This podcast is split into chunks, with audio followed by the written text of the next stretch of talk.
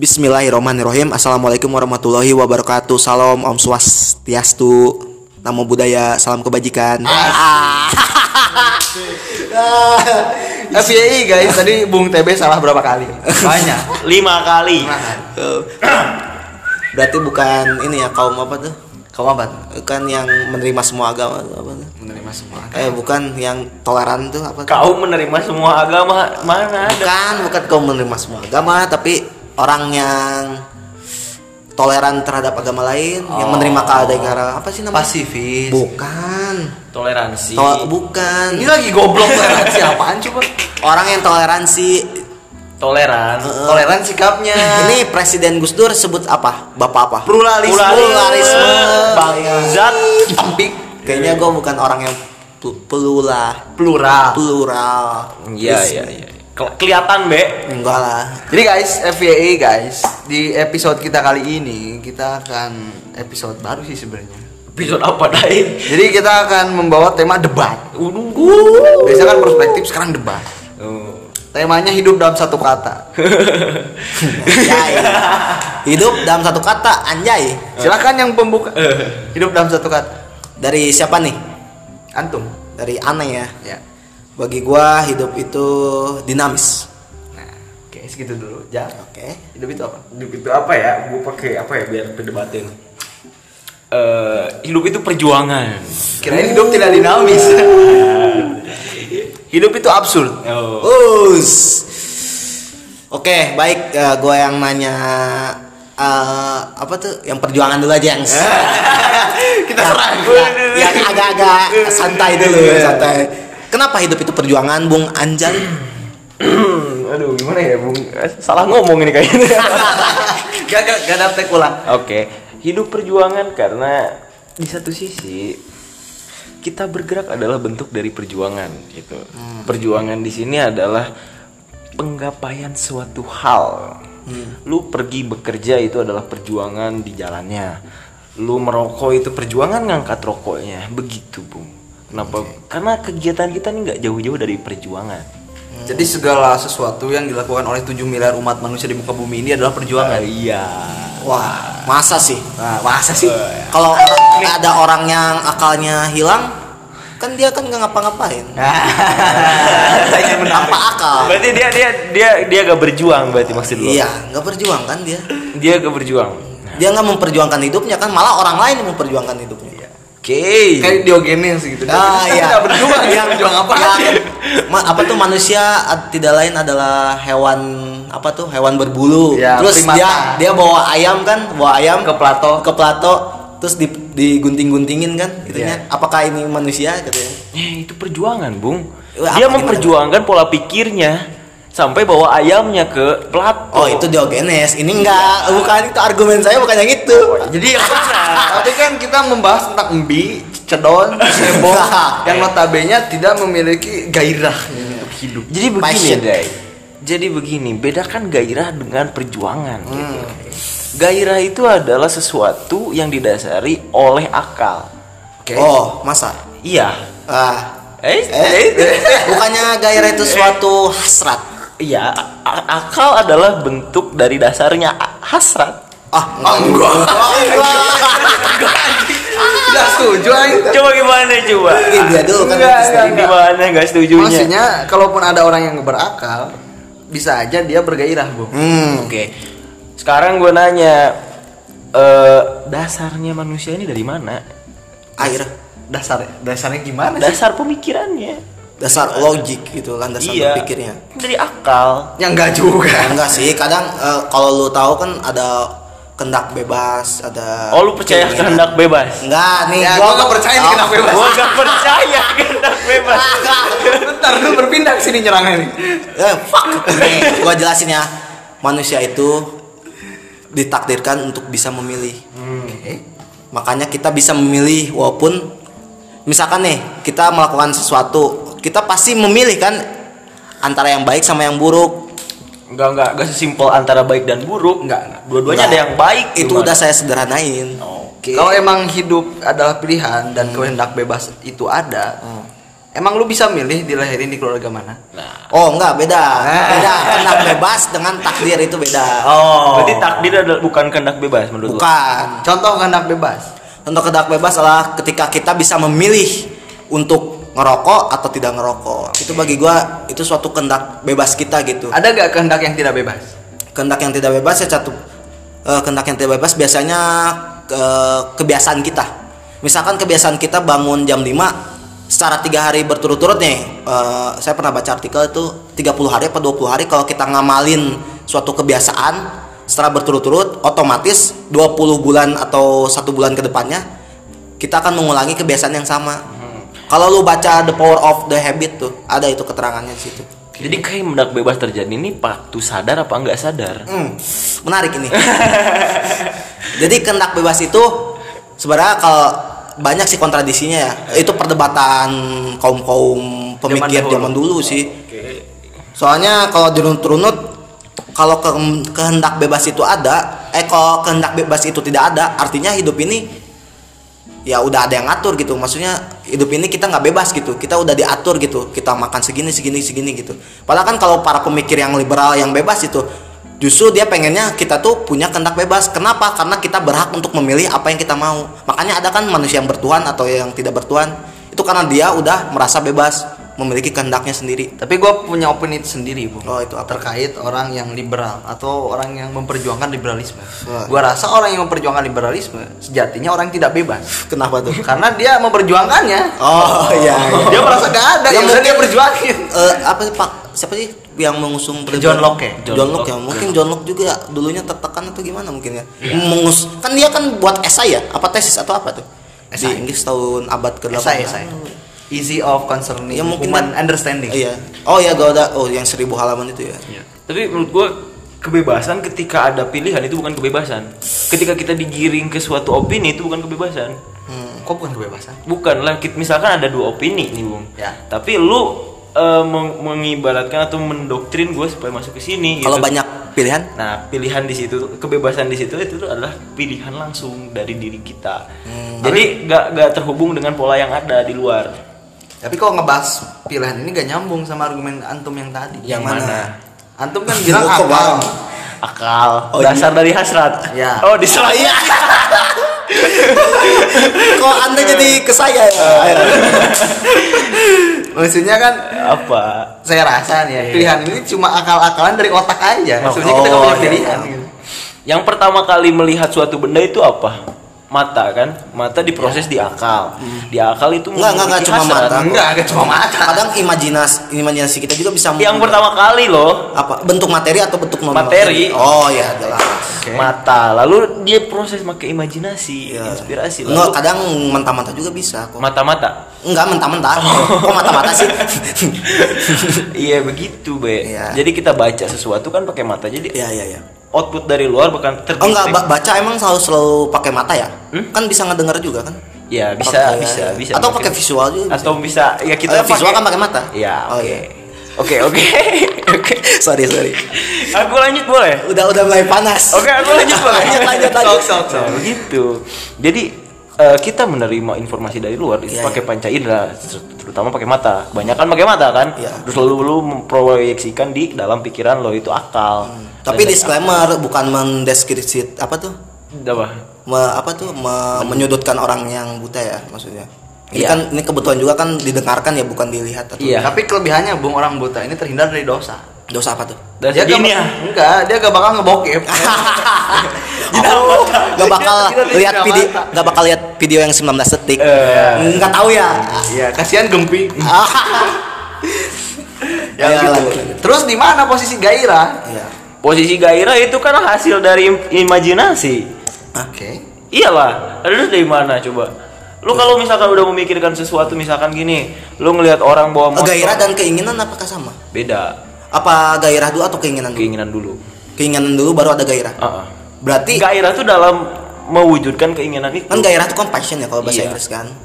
Jadi lu misalkan pengen jadi filsafat dan gairah. Jadi filsafat. Jadi ahli filsafat. Iya. Gairahnya belajar filsafat. Iya. Enggak enggak itu cara Enggak. bukan gairah. Beda itu. Beda. Mendalaminya itu loh. itu cara itu cara itu metode itu metode itu metode. Kalau cara itu berkuliah. Hah? Berkuliah Kan nggak bukan selalu- belajar itu ya Ini udah salah kita malah sih Ada yang salah logika. di mana di mana salahnya coba Salahnya gini. di mana Kalaupun kuliah, kan kamu belajar. Iya. Kata kamu jangan belajar. lalu aku gak ngomong jangan belajar loh kapan aku gak ngomong jangan belajar Enggak, eh, gua Mendalaminya oh, itu gairah. Gua bantuin lu aja ya. Gua subsidi otak lu nih. Anjing sudah di otak. kalau bisa Keinginan untuk berkuliah. Nah, itu baru disebut gairah.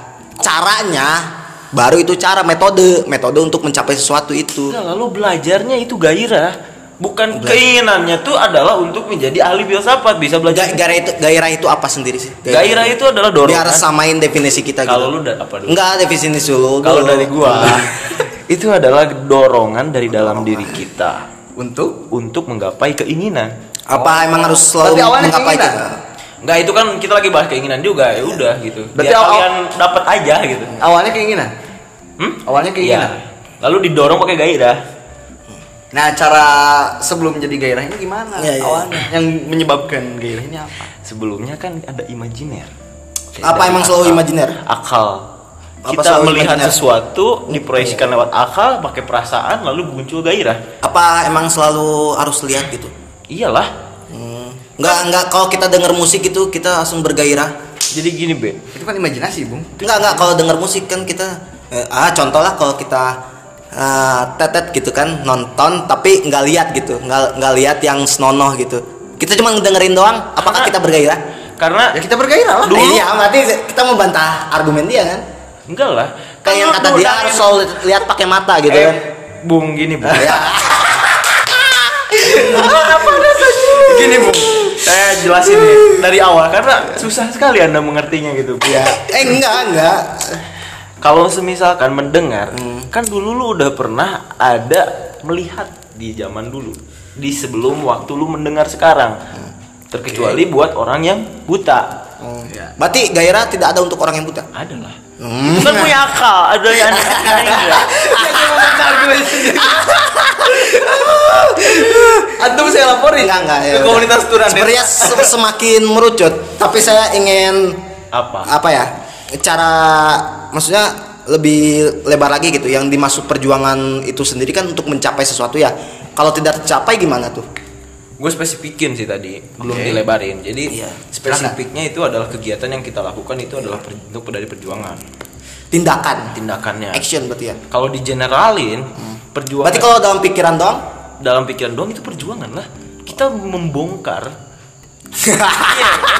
Kalau action? Kalau action juga perjuangan. Oh jadi action dan pikiran itu perjuangan? Iya kan berhubungan Oh, pikiran dan Jadi tindakan. segala sesuatu yang kita lakukan adalah perjuangan. iya. Walaupun berpikir juga hanya dalam pikiran gitu kita belum Walaupun melakukan kita, aksi walaupun kita bunuh diri, Bung, itu perjuangan. Berjuang untuk mati gitu. iya oke ayo lanjut itu berjuang untuk mati Enggak tadi kata lu pengen di spesifik apa di generalkan Hmm.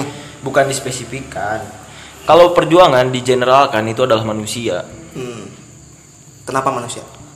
Kenapa nggak hewan? Kenapa nggak? karena manusia yang memiliki akal Hmm. Oke. Hewan nggak punya akal. Berarti hewan tidak berjuang, Bung. Berarti hewan tidak berjuang itu. Itu lebih ke insting Insting berarti.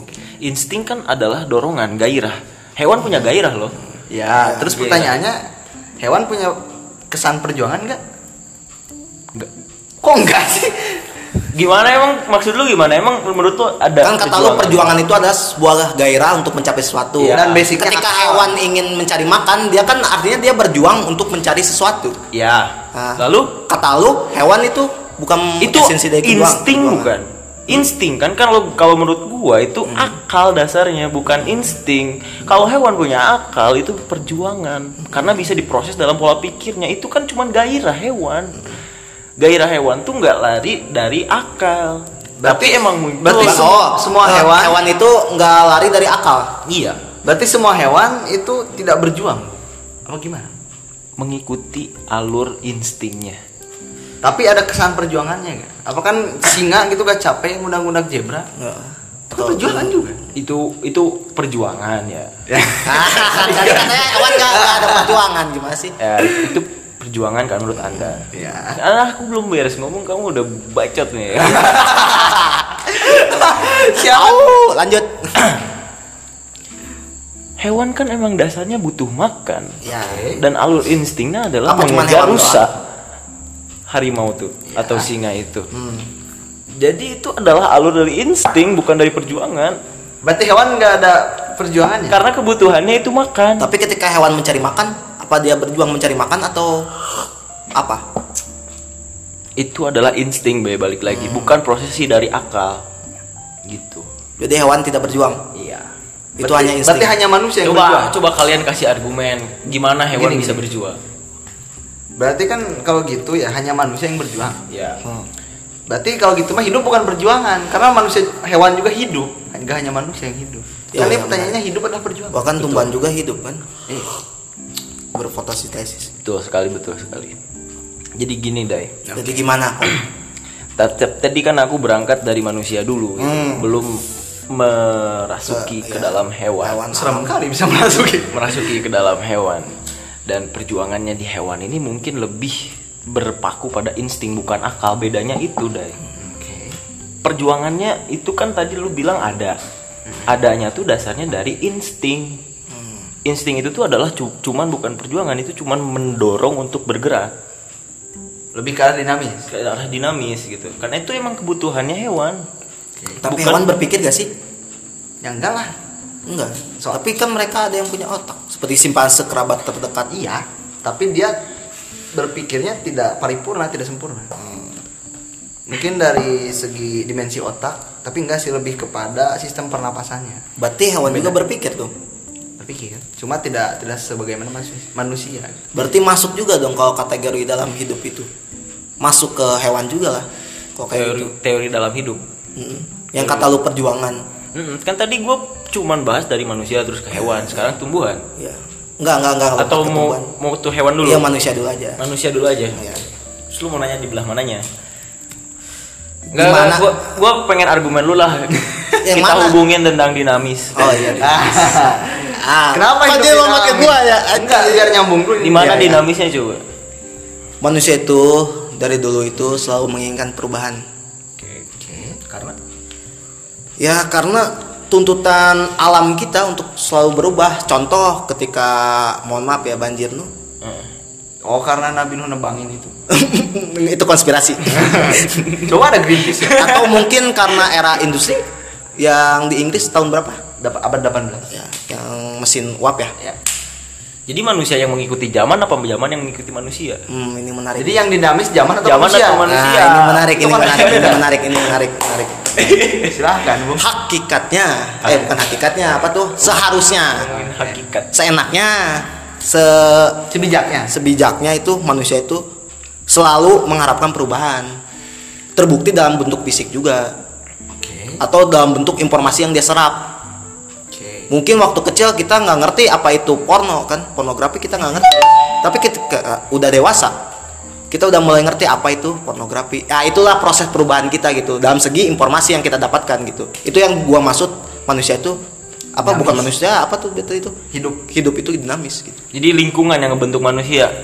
Kan Ah. manusia juga ngebentuk lingkungan. Wah menarik ini. Eh, ini masih perdebatan filosofi ini. Iya, ini ngomongin filosofi ya. Lebih eh, eh, saya pernah berdebat soal ini ya tentang alam yang harus ngikutin kita atau kita yang ngikutin alam gitu kan. Iya. Nah, ini perdebatan dasar sih sebenarnya kalau dirunut-runut sih. Kalau lihat konteks sejarah atau konteks buku suci gitu kitab suci ya kita nih bangsa pendatang di bumi itu. Ya. sebagai bangsa pendatang seharusnya. Ya kan? Seharusnya. Seharusnya kita, Kita menghormati alam menghormati atau mengikuti alam. bukan alam yang harus mengikuti kita kan karena kalau dari kitab ya dan aduh agama Ini gak apa-apa lah.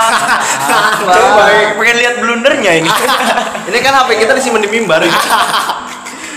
Ya, saya gak mau terlalu spesifik ke agama sih ya, soalnya agak eh, apa ya terlalu sensitif sensitif gitu Menurut gua nggak sensitif sih agama. Lu nya aja yang lemah gitu. Enggak lemah. nggak lemah cuman eh, Gini ya. masuknya Stop, tuh stop, dulu, dulu, dulu, dulu.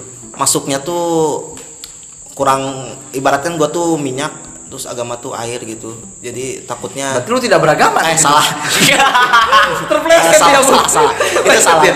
maksudnya agama itu air lah air yang suci gitu kan Oke. Sedangkan Terus lu comberan. Sedangkan gua takut mengotori itu gitu dengan cungur-cungur gua yang Barokah. suka kebablasan gitu kan. Tapi gini, Bung. Gue pengen nambahin dikit tentang agama. Menurut gua na- agama ini tidak ribet, tidak sensitif. Benar. Karena agama ini sesederhana lu menempatkan segala sesuatu pada tempatnya. Iya. Ketika lu Setuju. makan tidak telat, itu lu beragama. Hmm, kenapa? Perut lu beragama. Kenapa ke- perut beragama? Kenapa Karena perut beragama? itu berangkat dari definisi secara harfiah, A dan gama, tidak kacau. Oh iya. Ketika lu ngaku beragama tapi perut lu lapar, itu tidak beragama perut lu. Karena kacau perut lu pengen makan. Ya kalau berangkat dari definisi A itu kan tidak dan gama itu kacau kan. Nah, Orang yang berga- a- beragama artinya orang yang tidak kacau kan. ya atau harmonis lah. Ya ya ya. Nah terus yang soal dinamis, ya itu maksud gua tuh Oh, pantas, Bung. Ah, Dia gimana, hidup gimana? adalah dinamis. kenapa kenapa? Dan tidak beragama. Anjing. Karena agama tidak bisa dibawa dinamis anjing. Enggak enggak enggak enggak enggak enggak gitu enggak gitu enggak gitu. Gak ngomongin agama kagok nih. Enggak enggak enggak enggak enggak gitu. Soalnya enggak, bisa enggak. didinamisin Enggak, agama enggak, mah. enggak, enggak masuk. Enggak, agama itu bukan masalah dinamis atau statis, tapi agama itu mutlak menurut gua. Mutlak yang bisa dipelebar, bisa diperlebar, bisa kan dipersempit. berarti dia Gimana? gak dinamis. Kalau dia mah Iya, tapi walaupun mutlak mereka eh aduh mereka astagfirullah. ah, serem gua kalau bahasin agama sumpah serem gua. Ayo ayo ayo. Oh, Ini Walaupun mutlak eh, menurut guru-guru gua juga agama itu bisa dipersempit, bisa diperluas, tergantung konteksnya. Oke. Dan lebih enak tuh kalau ngomongin agama tuh di ruang privat. Lebih enak tuh. Tapi gua nemunya di ruang-ruang privat yang tidak beragama. Itu ya ya. yang di kasur-kasur kuat itu tidak beragama. Ya itu maksudnya gua hidup itu apa tuh? Dinamis tuh gitu. Jadi eh, manusia tuh secara harfiahnya harus ya? ngikutin zaman, Bukan, tapi eh, soal kehidupan ini emang perubahan. perubahan zaman. Eh, kalau di filsafat barat itu lebih ke linear ya. Ya, Ya, linear. Iya, maka maksudnya linear tuh dari sat- titik satu ke titik B tuh bakal beda. ya.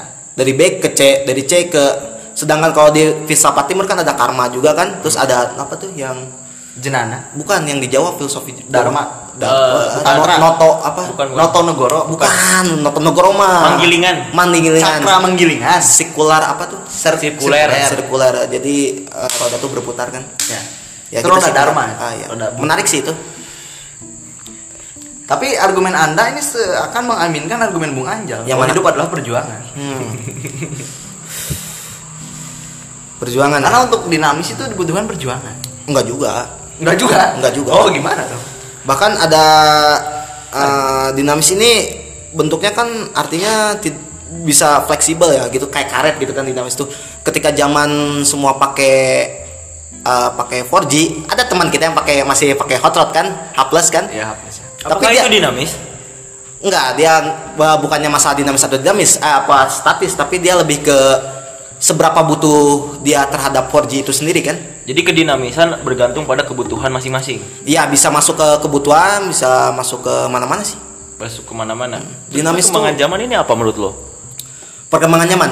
Perkembangan zaman ini kalau menurut gua sendiri sih suatu hmm, Pure perubahan. perubahan udah pasti. Eh, ya macam-macam sih. Asik euy gak diserang. Oh ya, iya dia kes- Belum belum. Oh, belum. Kan dia belum mengumpulkan argumen. Iya. Iya, soal iya sih kalau mau antara perjuangan sama dinamis sih emang kayak Islam sama sosialis gitu ya. Dekat. Gitu. dekat gitu, cukup dekat. Namun tidak serupa. Kami cukup dekat. Seperti urat nadi. Jadi lu belum jawab nih pertanyaan Yang lo. mana, yang mana? Ini baru nyampe seharusnya menurut lo. Ini manusia yang mengikuti zaman atau zaman yang mengikuti manusia? Iya, belum jawab ya. Lu cuman berangkat Oh, dari iya. seharusnya. Berarti Oh, enggak. iya, iya.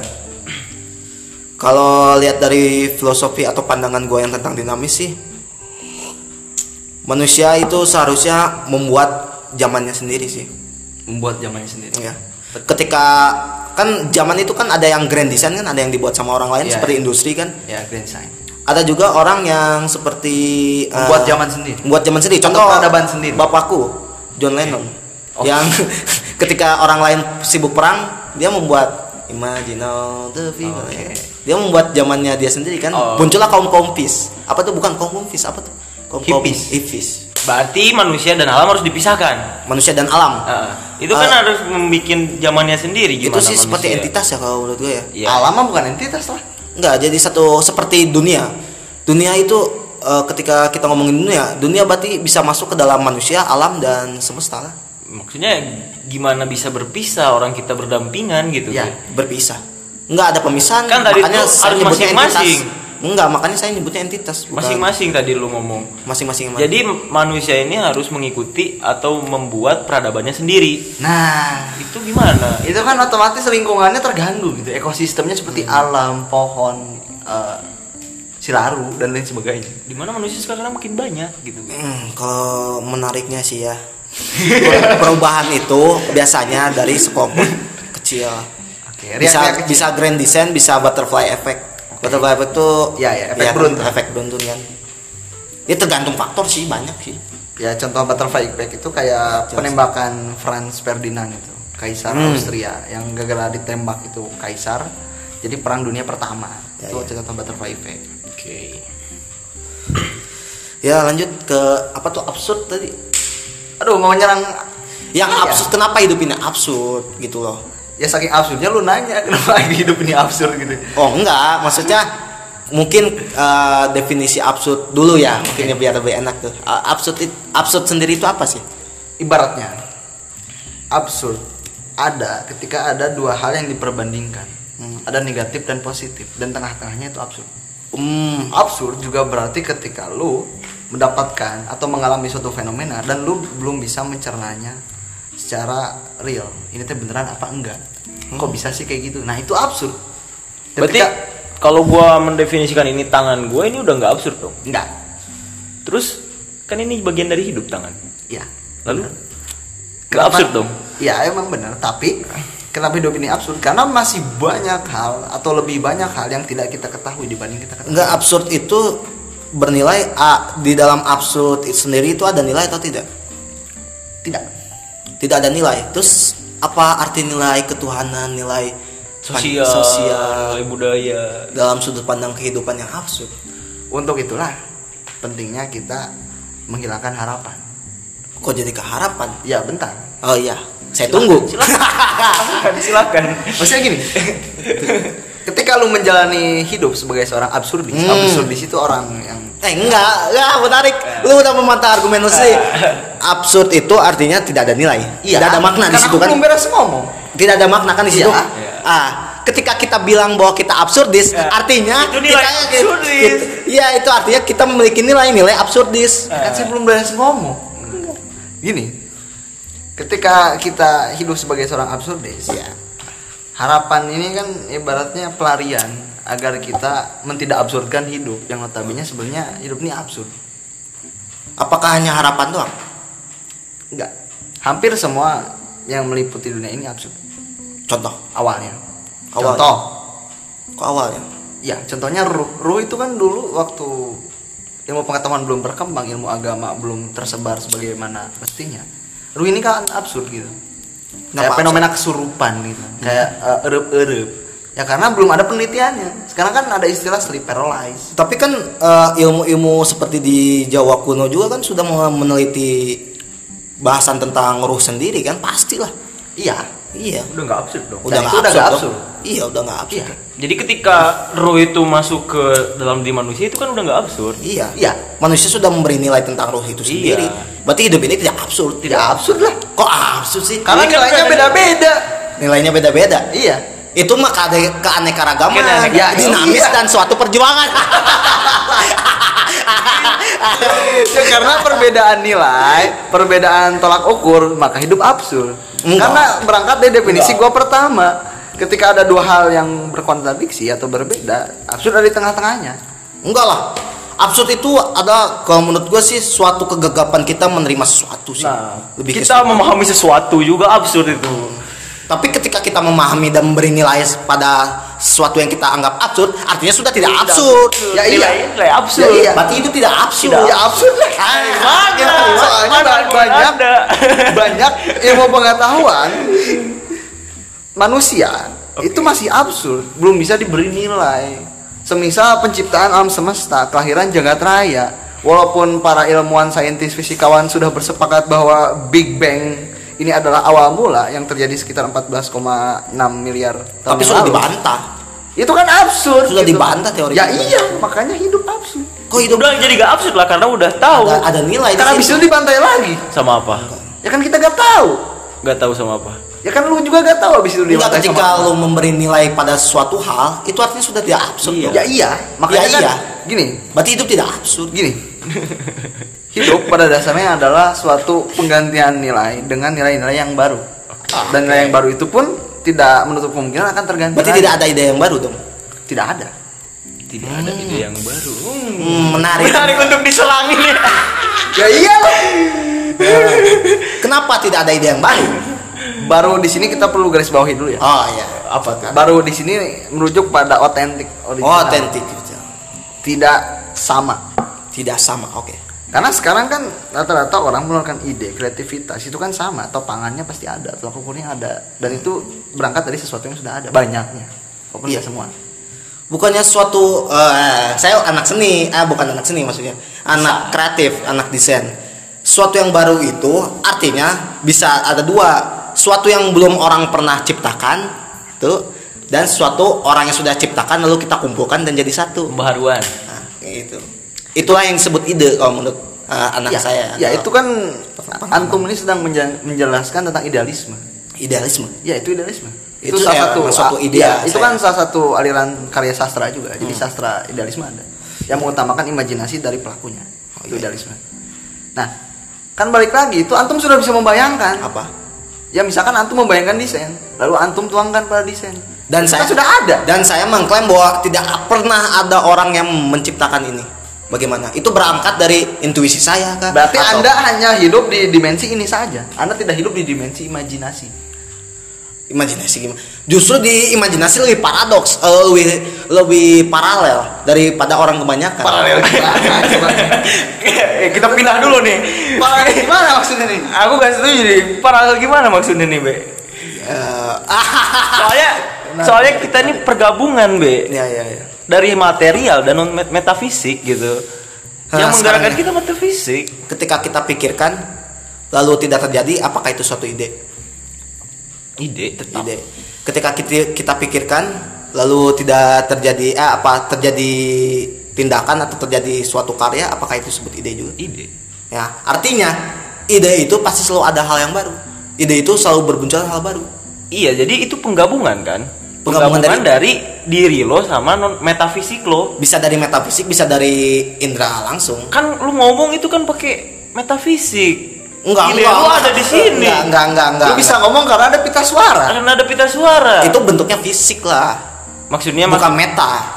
maksud gua ide itu berlangsung dari metafisik kan lu nggak bisa bentuk ide lu kayak gimana kan Hmm, bentuknya ya, kayak ya, gimana ya. nggak bentuk organ kan dan bentuk penyampaiannya lewat mulut dan itu mulut itu adalah material Tapi bukan selalu tentang mulut sih, bisa dengan tangan, bisa dengan Enggak, yang gue gak setuju adalah ketika lu mengeliminasi dimensi utopia, Iya, dimensi utopis. imajinasi. Ya, lu argumen lu tadi mengeliminasi utopia. Iya. Seakan bahwa dunia imajinasi itu tidak ada. Karena dalam filsafat kan ada dialektika materialis dan Ya, idealis. ya, ya, ya, ya, ya. Gimana itu? Entah, sa- saya tidak membantah bahwa imajinasi itu tidak ada atau dunia mimpi itu tidak ada ya. Karena menurut saya pribadi eh, sebagai orang yang seni gitu ya bekerja di sebagai buruh seni gitu kan yang gaji pas-pasan. Kau jadi curhat. Bilangnya ke bos aja. dunia imajinasi itu selalu ada. Justru kita hidup bahkan Albert Einstein pun bilang imajinasi itu lebih penting daripada ilmu itu sendiri. Oke. Berarti Nah, berangkat lagi dari absurdisme. Kalau kita memaknai hidup ini sebagai absurdis, artinya kita tidak memeli- kita tidak mampu menilai sesuatu dong. Kita Ya. tidak mampu menciptakan sesuatu. lah itu lu bisa ngomong imajinasi itu kan lu menetapkan sesuatu berangkat dari absurdis Kenapa? ya kok kenapa sih? imajinasi kan absurd gitu Iya. Ya iya.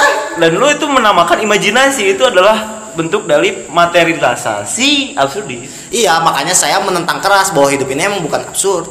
Bung TB ini menyerang absurd dengan sangat absurd, Bung. enggak, enggak, enggak. Itu argumennya sudah jelas. Jadi absurd itu sendiri apa? Gini, tanpa nilai kan? Tanpa pemaknaan kan? Enggak, enggak itu udah jauh. Oh iya. Itu kan jatuhnya ke nihil. Saya tidak mengaminkan nihilisme. Nihilisme itu nil makna tidak punya makna saya hanya menggaungkan absurdisme. Iya. kenapa? Karena ketika kita menilai bahwa hidup ini absurd atau bahasa Indonesianya ambigu lah gitu. Ambigu.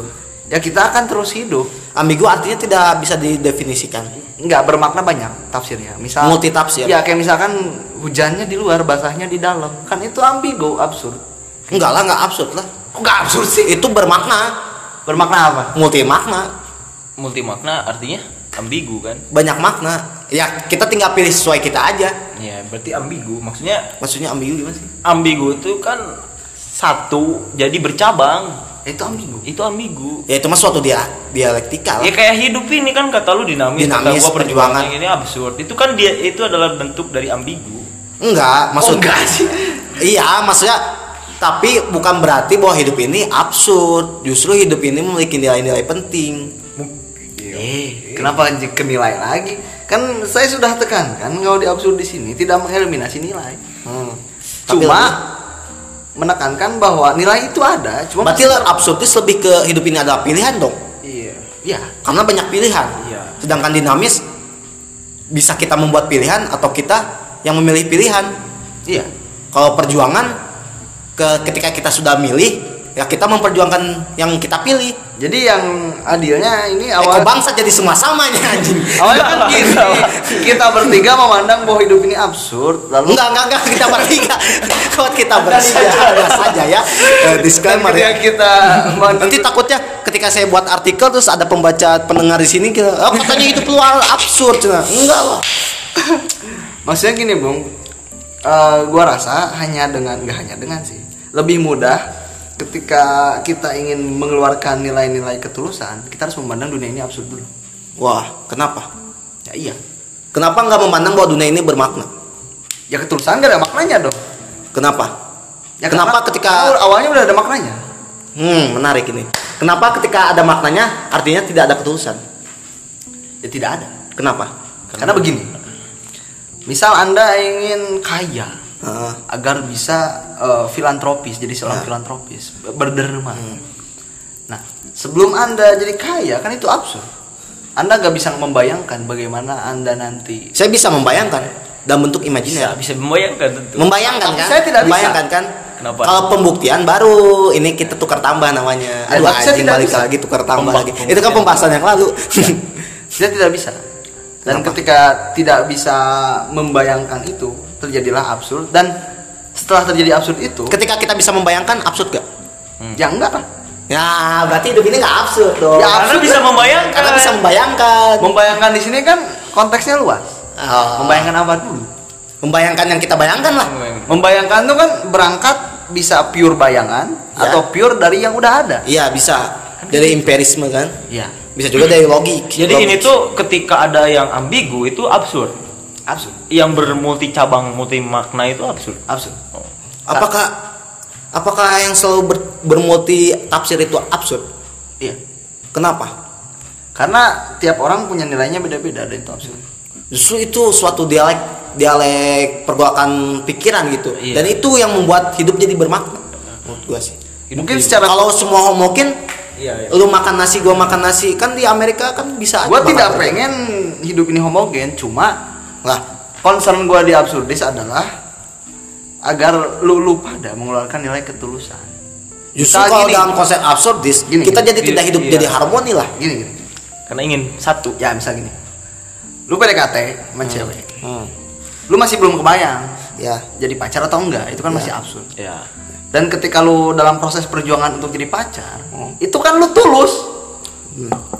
Dan itulah fungsinya. enggak lah kata lu ketika kita sudah mengharapkan sesuatu artinya kita sudah tidak tulus Ya emang tidak mengharapkan siapa yang bilang kan harap? mengharapkan mau mendapatkan mengharapkan. mendapatkan si cewek itu Iya. lu juga bertolak belakang kayaknya lu Ya, pikiran lu paradoks nih kayaknya. Gimana Gini, sih? Kan saya bilang ketika antum eh, misal lagi ya pengen pacaran, misalkan pengen pacaran atau tidak sengaja antum didekati lah, antum Iya. didekati sama gebetan.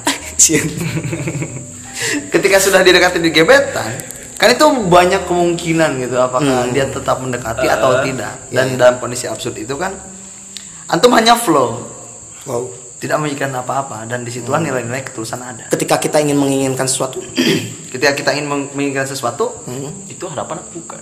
ya itu harapan lah ya berarti hidup ini tidak absurd. ya absurd lah Kok absurd? Karena ada harapan. Karena ada harapan. emang antum tahu bakal masuk re- afterlife atau Setidaknya, lagi setidaknya ada harapan. Setidaknya ada harapan kita bisa mendefinisikan sesuatu. Will, kalau di Nietzsche will to power, ya iya keinginan untuk kuat. maksudnya gini ketika Anda lu- pembaca Nietzsche kan? Iya. ketika lu mendefinisikan satu detik ke depan itu suatu hal yang bodoh Kenapa? ya karena lu gak tahu Ah, ini menarik. Karena ketika kita tidak merencanakan sesuatu, artinya kita merencanakan kegagalan. Itu menurut bukan saya. Santai, santai, bos, santai, santai, santai. setuju. Itu menurut Socrates. Bapak para filsuf. ya udah gue gak akan jelek. bantai Sokrates gue gak gue akan bantai periwayatnya yang Kenapa? menyampaikannya lu Kenapa? Kenapa? ya karena gini bung gimana caranya ada sebuah kreativitas Hmm. dari sesuatu yang fix yang tetap yang mutlak yang absolut Iya. ya gimana Bisa dengan namanya rebranding kalau eh kalau di desain tuh rebranding jadi kita eh, brandingnya udah ada, cuman kita membuat hal yang baru dari branding itu sendiri. Aduh, susah ya bahasanya. Nih. Gimana gimana? Nah, contoh nasi ketika semua orang masak nasi goreng, maka nasi goreng jadi biasa.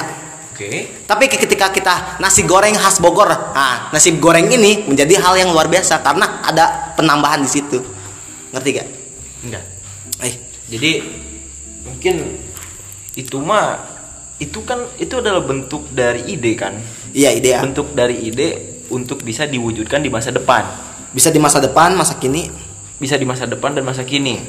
Ketika masa depan itu tidak tercapai, apa yang Ya. terjadi? Ya apakah itu absurd?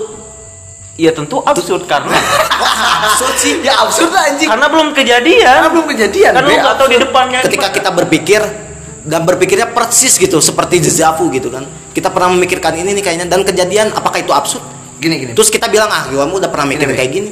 alasan dasar ya kenapa gue memandang Ya, dan alasan. berani berkata bahwa hidup ini absurd karena menurut gue ini tanpa data dan valid- validasi siapa pun hakikat dari manusia adalah keterbatasan Ya, ya, dan ya. berangkat dari keterbatasan Makanya kita memiliki Tuhan kan. ya karena berangkat Tuhan dari tak terbatas. keterbatasan itulah kita eh, memaknai hidup Hmm. Ya artinya hidup tidak absurd. ya emang tidak absurd Karena hidup kita maknai. ya kalau kita sudah bisa memaknai Ah, berarti kalau sudah bisa memaknai artinya hidup tidak absurd. Tapi B, Tapi pot kita maknanya ini nggak cuma satu. Iya. Ketika lu menemukan makna akan men- akan butuh makna yang lain. ya makanya makna itu sesuai kebutuhan kita, makanya jangan makna tuh jangan ikutin orang lain. emang lu tahu kebutuhan lu besok Tahu lah, udah gua imagineerin. anjing tahu deh kebutuhannya besok oke oke oke oke oke Enggak, oke. misalkan gini Gini gua mau nanya. Enggak, ini ini enggak, maksudnya kan kita juga menghormati teman-teman kita kan yang dengerin ya.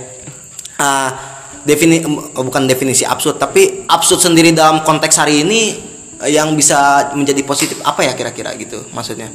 Biar pembaca nih dapat daging semua nih. gue sebenarnya malas buat ngomongnya tapi mau gak mau nih harus ngomongin Iya. Kenapa kita harus memandang dunia ini absurd Ya, Agar kenapa kita gitu? berjuang Hmm. untuk hidup Dan m- m- harus mengiyakan bahwa hidup ini juga dinamis kali ya. Enggak juga sih Kenapa? Bangsat. Enggak lah. Kaingin tuh. Ayo itu Enggak lah. jelasin dulu absurd. Ya, Jelasin dulu ya. absurd. Absurd dalam konteks hari ini. ya maksudnya ketika kita menganggap dunia ini absurd Ya. otomatis kita akan berhadapan dengan makna Ya, dan pasti. makna itu sialnya akan melahirkan makna baru Ya. dan dalam proses pencarian makna dan penggantian makna itu kita berjuang pada Ya, itu yang disebut dinamis. Oke, menarik ya. Jadi eh, ketika kita memandang absurd nih, kita juga secara tidak langsung menghilangkan harapan sih. ya Secara tidak langsung ya. dan itu pasti bertabrakan dengan antum yang notabene hidup dengan penuh rencana Oh, iya. soalnya saya hanya hidup untuk hari ini Ya itulah namanya manusia itu kan punya maknanya sendiri Ya kan. udah beres aja ini diskusi. Enggak maksudnya enggak jangan diberesin. Justru kita tuh harusnya memberi uh, argumen-argumen yang ngepas untuk suasana saat ini. Oh. Mungkin ada orang yang aduh hidup gua apa ya? Apa sih hidup bagi gua kan? Ketika ngedenger kita berdua eh bertiga oh, sorry. ya kita bertiga kan jadi oh maksud Bung Alda ini hidup ini absurd tuh gini, maksud Bung Arif nih gini, maksud Bung Azza tuh gini. Nah, gitu makanya saya nanya ke kalian tuh. Jadi absurd ini secara tidak langsung menghilangkan harapan dan artinya menghilangkan kesedihan juga dong. menghilangkan apa menghilangkan kesedihan juga dong Kesedihan? kesedihan sorry sorry Iya. iya iya iya menarik Ini kan nyambung juga sama filosofi stoik. oh stoi Filosofi oh, stoicism ya Absurd. stoicism sih lebih ke eh, kalau menurut gua jangan lihat keluar tapi lihat ke dalam Iya. Menurut Itu gua kan sih. nyambung juga sama absurd. kenapa nyambung Ya boro-boro kita tahu dunia luar dalam diri kita juga gak tahu ada apa. Masih ya absurd. justru stoik itu memaksa kita untuk tahu dunia yang ada dalam diri kita kan Iya. ya ketika kita udah tahu artinya hidup tidak absurd Argumen Anda sangat Jadi- seperti orang tidak beragama. An rasanya anjing banget Karena begini, Be. Gua pengen masukin nilai spiritual ya, ya, dalam. ya, silakan Gua berani Oh, absurd, berkata. absurd juga ada Ya, spiritual. ada lah Ada lah. Gua berani berkata bahwa orang-orang atau filsuf-filsuf eksistensialis, Eksis- khususnya Albert Camus dari absurdisme, adalah filsuf paling religius. Kenapa? Karena dia tahu hakikat manusia ini menyimpan rahasia dan hidup dengan rahasia. Ya, kerahasiaan itu sendiri Ya, seperti kata Mamang Rumi, hidup Apa? manusia ini kan setengahnya aib, setengahnya lagi goib. oh iya iya Kayak gitu. Dan goib ini kan absurd gitu. Oh, gue pengen narik narik kesimpulan sederhana sih ya. Bukannya ingin ikut campur subsidi pikiran tentang absurd Ah. absurd lu gitu ya. Oke. Ya jadi kalau gua memahami sih absurd dalam konteks hari ini ketika orang-orang berharap lebih terhadap sesuatu dan ketika, ketika kita menganggap bahwa harapan kita itu absurd artinya kita nggak usah bersedih. Toh kita udah mengharapkan itu tuh absurd gitu kan. Iya. Karena nggak bakal kejadian juga. Iya nggak bakal ah udah. Apa sih ini mah cuma hayalan itu Hayalan absurd. dulu, ah. Bang. Udah banyak pikiran. Fungsi absurd adalah sebagai sebab, hmm. bukan tujuan, bukan pula proses. Cuma titik awal absurd ini. Oh, berarti awal mula. Berarti Ibaratnya eh, sebabnya absurd, prosesnya perjuangan, dan tujuannya adalah bergerak, dinamis. bangsat Mungkin absurd ini lebih cocoknya ke pencarian. ya, ke pencarian. proses mungkin ya. Proses pencarian. Ya. gitu. Terus apa bedanya sih menurut lu absurd sama abstrak? Oh, absurd sama abstrak. Benar. menarik emangnya abstraknya. Apa bedanya? Mungkin dari segi definisi mungkin ya. Oh, Abstrak lebih kepada tidak bisa digambarkan. Ya. Kalau absurd lebih kepada ada dua sisi yang tidak bisa digabungkan dan absurd ada di tengah-tengah. apa emang harus selalu dua sisi? Harus dua sisi. Karena dua sisi ini berkontradiksi. Gini, Bu. Contoh Gimana, Bung? Kita kasih contoh. Saya nunggu kamu kepleset. Saya belum saya belum saya belum kepleset ya. Iya, kamu jangan takut gitu. Tenang aja. Enggak, enggak takut. Gini. Contoh kan kapitalisme dan komunisme. Oh, Itu kan iya. dua kutub yang dua kutub yang bertolak belakang. Dan di tengah-tengahnya ada absurd. Kan kita nggak tahu tengah-tengahnya ada apa. Sehingga kan tidak heran Iksan Skuter berkata bahwa kiri dikira komunis, kanan Kanan dikira kapitalis, Akhirnya jadi nasionalis. tengah-tengahnya dikira tak ideologis. Nah, yang tak ideologis ini absurd. Oh. Oke. Jadi ketika kita memandang hidup ini sebagai absurd, artinya kita tidak memilih kedua-duanya tuh. Entah itu ke kiri atau ke kanan. Nah, jadi anak dari absurd juga bisa Moderat. eh, enggak, enggak moderat sih lebih kepada menerima perbedaan. Jadi lu gua tahu bahwa menurut lu teh hidup dinamis, menurut lu hidup perjuangan dan gua dari tengah-tengahnya menerima keduanya. Karena gua tahu hidup ini absurd, makanya lu berdua beda. Kalau gua sih lihatnya ketika lu mandang dunia ini absurd dan lu mandang ini perjuangan, oh artinya gua jadi lebih mana nih yang cocok buat gua nih? Karena gua kan dinamis kan, hidup ini dinamis artinya mana nih yang sekira-kiranya bisa gua ambil nih untuk perubahan gua gitu. Tapi perubahan berawal dari eksistensi. Eksistensi. Ketiga ketiganya ini adalah eksistensi. Ya hasil dari eksistensi.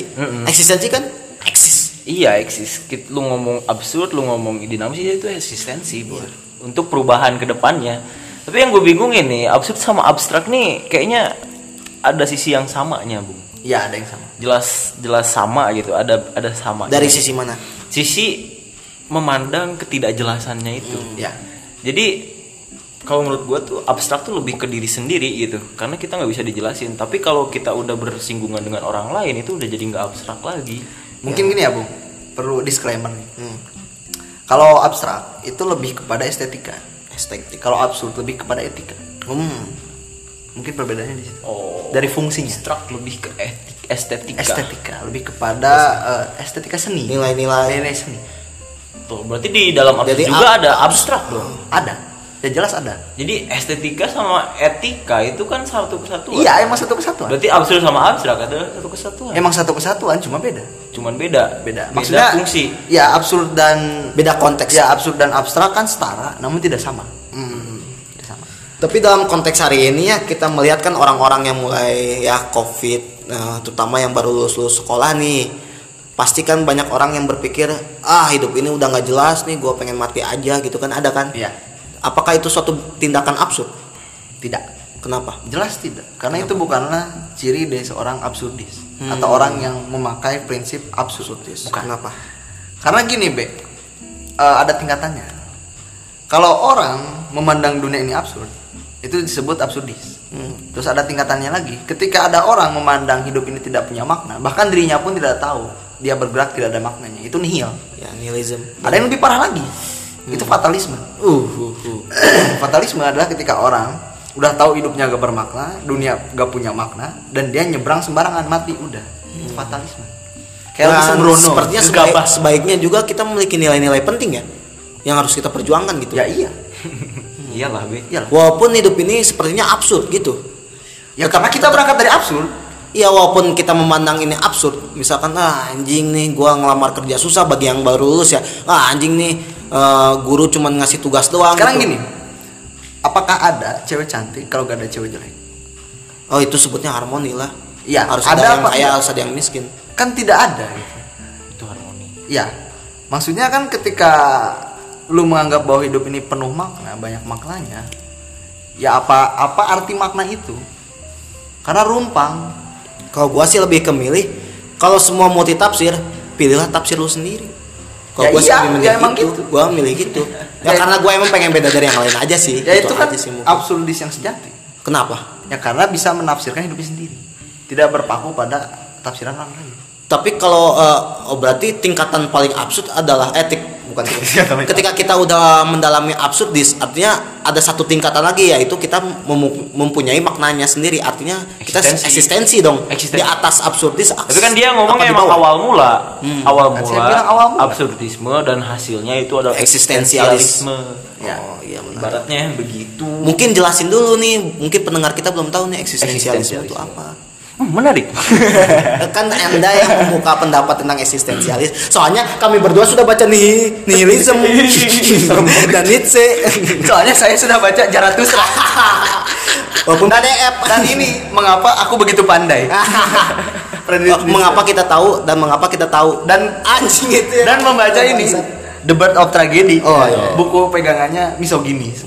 Soalnya itu Nietzsche Nggak, nggak balik lagi. cewek. Ayo balik lagi, balik lagi. eksistensialisme itu sendiri apa gitu kan Enggak gua nanya aja ke lu. Eksistensi dan esensi bedanya apa? esensi itu lebih ke nilai kalau menurut gua makna kalau eksistensi itu tindakan kalau menurut gua kalau menurut gua Eksistensi tindakan. mm, Eksistensi tindakan. hasil dari Kalau gua diem aja itu eksistensi kok. Iya. Bukan tindakan kok. tindakan untuk diam tindakan untuk diam. Lalu esensinya nah esensi itu maknanya makna, Makna dari diam diam apa? diam diam mak enggak lah makna dari diam ada yang lain, mungkin memikirkan sesuatu. Mungkin meditasi. mungkin meditasi. Hmm, ya bisa sih bisa juga itu. Terpleset kembali dia, Bro. enggak enggak saya tidak terpleset esensi kan makna Soalnya tindakan dan tujuan itu beda, Be. Oh iya, beda jelas. lah. Beda lah. Masih, saya masih. Ya iyalah, itu kita sepakat emang beda dari nama dari katanya aja udah beda. ya itu maksudnya. Iya, maksudnya jangan melebar ke mana-mana. Maksudnya eksistensialisme itu sendiri apa kan? Menurut gua tadi gitu. Menurut lu gimana? Kenapa gua, lu ngelempar ke gua gitu kan? Oke, Menarik. menarik. Ini dari seorang absurdis belum menjawab. Eh, kamu jangan melempar. Eh, melempar sih dia. Kan iya. udah beres absurdis Iya. lah. Nanti balik lagi tenang. Eksistensi itu ketika Iya. lu melihat tas dan esensi itu adalah fungsinya. Hmm. Fungsi tas apa? Menyimpan barang. Gitu Oh. doang. Simple. Esensi itu lebih ke fungsi berarti. Bagaimana kalau Kan esensi, makna juga esensi karya fungsi. seni? Esensi Karya dari seni. Karya seni. Ya tergantung. Tergantung lah. Itu kan Itu kan bukan dari fungsi. Iya, makanya ada penilaian secara objektif dan subjektif. Oh iya iya jelas itu emang ada. Kalau juga yang deduktif, induktif. Lain bahasa. Oh, iya, iya, iya. deduktif. Ibarat gitu. Tapi kembali lagi ke diri kita sendiri karena benda itu kalau ditangkap sama lo sama gua sama si Alda itu beda maknanya Dan itu absurd. dan itu absurd. Ah. Jadi ini sangat berkaitan antara nihilisme, absurdisme, Isme. eksistensialisme. Tapi eksistensialisme si, si Gana sepertinya itu tuh puncaknya dari di bawah itu antara absurdisme, abstraktisme uh, dan lain-lain. Kalau di dalam spiritual itu paling Oh. bawah Oh itu pa- malah paling bawah. dan absurdis paling atas. Hmm, ketika kita udah tahu semuanya, kita memaknai ini sebagai absurdis. Mm. Jadi ibarat kalau misalkan lu semakin belajar semakin nggak tahu. Oh, itu emang hukum paradoks sih. Iya. Ketika kita tahu, kita tidak tahu. Iya. Jadi kayak gitu kalau dalam spiritual. Tapi kalau dalam manusia itu justru eksistensi yang didorong. Hmm. Jadi manusia dan alam tidak akan bersatu karena eksistensinya berbeda Ya, dua. Dan perlu disclaimer. Aduh. Gak apa-apa. Aduh, udah habis nih nggak Ya, kerasa. Nanti kita part 2 kalem. Memang perdebatan tentang hidup ini banyak ya. Sebenarnya kita punya makna hidup sendiri kan pastilah. Nggak nggak cuma tentang perjuangan. Habis ini kita debat filosofi waktu. Aduh. Carpe diem kita bahas carpe diem dan amor fati. Soalnya ini bersambung dengan absurdis. Masalahnya nih guys, perjuangan. saya ini tipikal yang linier dan mereka sekuler. Eh Sekuler, sorry, sorry, sorry. Kira Apa tuh? gua orang Turki, Erdogan. Kemal apa Atatürk. Sirkular. Sirkuler. Sirkular. Begitu. Ini kita tutup dulu atau Mungkin gimana? tutupnya Enggak, dengan bentar, eh, Kita belum menyerang perjuangan, bentar. iya, kita kebanyakan nyerang lu, Aldai. Eh, Gini, gua agak setuju bahwa hidup ini perjuangan. Ya. Karena perjuangannya ini subjektif, Bung. Ya absurdis juga subjektif, Bung. Ya enggak lah. Iyalah. Ya enggak. Kan berangkat dari diri kita sendiri. Iya, iya, absurdis aja. Eh, gua nggak mau ngobrol lu, gua pengen nyerang dia. Enggak lah gini maksudnya. gua nggak mau subsidi otak lu ah. Gua mau nyerang dia. Otak lu yang gua subsidi. Otak lu dari tadi juga gua subsidi ah, gimana sih? Ya karena otak dia udah dijual ke pihak asing. Digadein kayak Di Patrick. Lego, iya. Kayak si Patrick gitu. Gimana? ya perjuangan itu subjektif, Bung. Ya bagaimana caranya hidup adalah perjuangan sedangkan perjuangan itu subjektif. Ya. Karena ada absurdis. Kok ada absurdis sih? Dan bagaimana jika orang yang tidak punya akal? Dan bayangin ada seorang anak lahir dari keluarga kerajaan itu anak raja dan tidak pernah berjuang untuk makan. Apakah itu perjuangan juga hidup? Perjuangan untuk mencari makan. Perjuangan untuk mencari makan. Kan dia tidak dapat makan. Misalkan dia tidak merasa berjuang untuk mencari makan gimana? Dia berjuang akan ketidak mencari makanannya itu. Jadi, nggak bisa itu kontradiksi. eh gini bung, selain makan kan ada tindakan yang lain. Ya. Nggak cuman makan doang. Kalau Enggak, ini ini lebih kepada Berjuang artinya bertindak.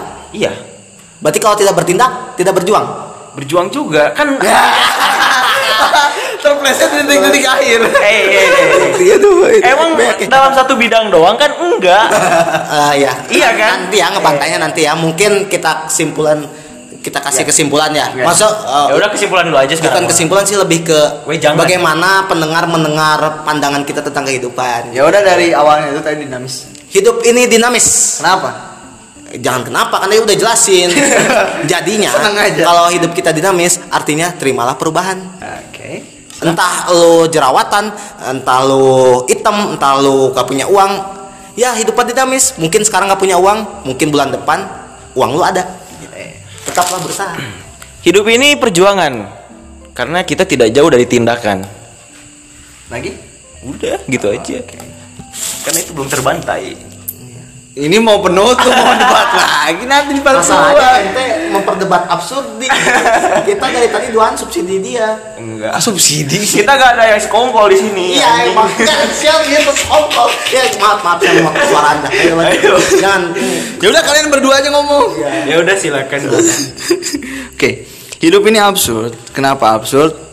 Karena kita tidak tahu apa yang terjadi di luar sana dan kita pun harus bertanggung jawab atas apa yang tidak kita lakukan dan apa yang telah dianugerahkan kepada kita.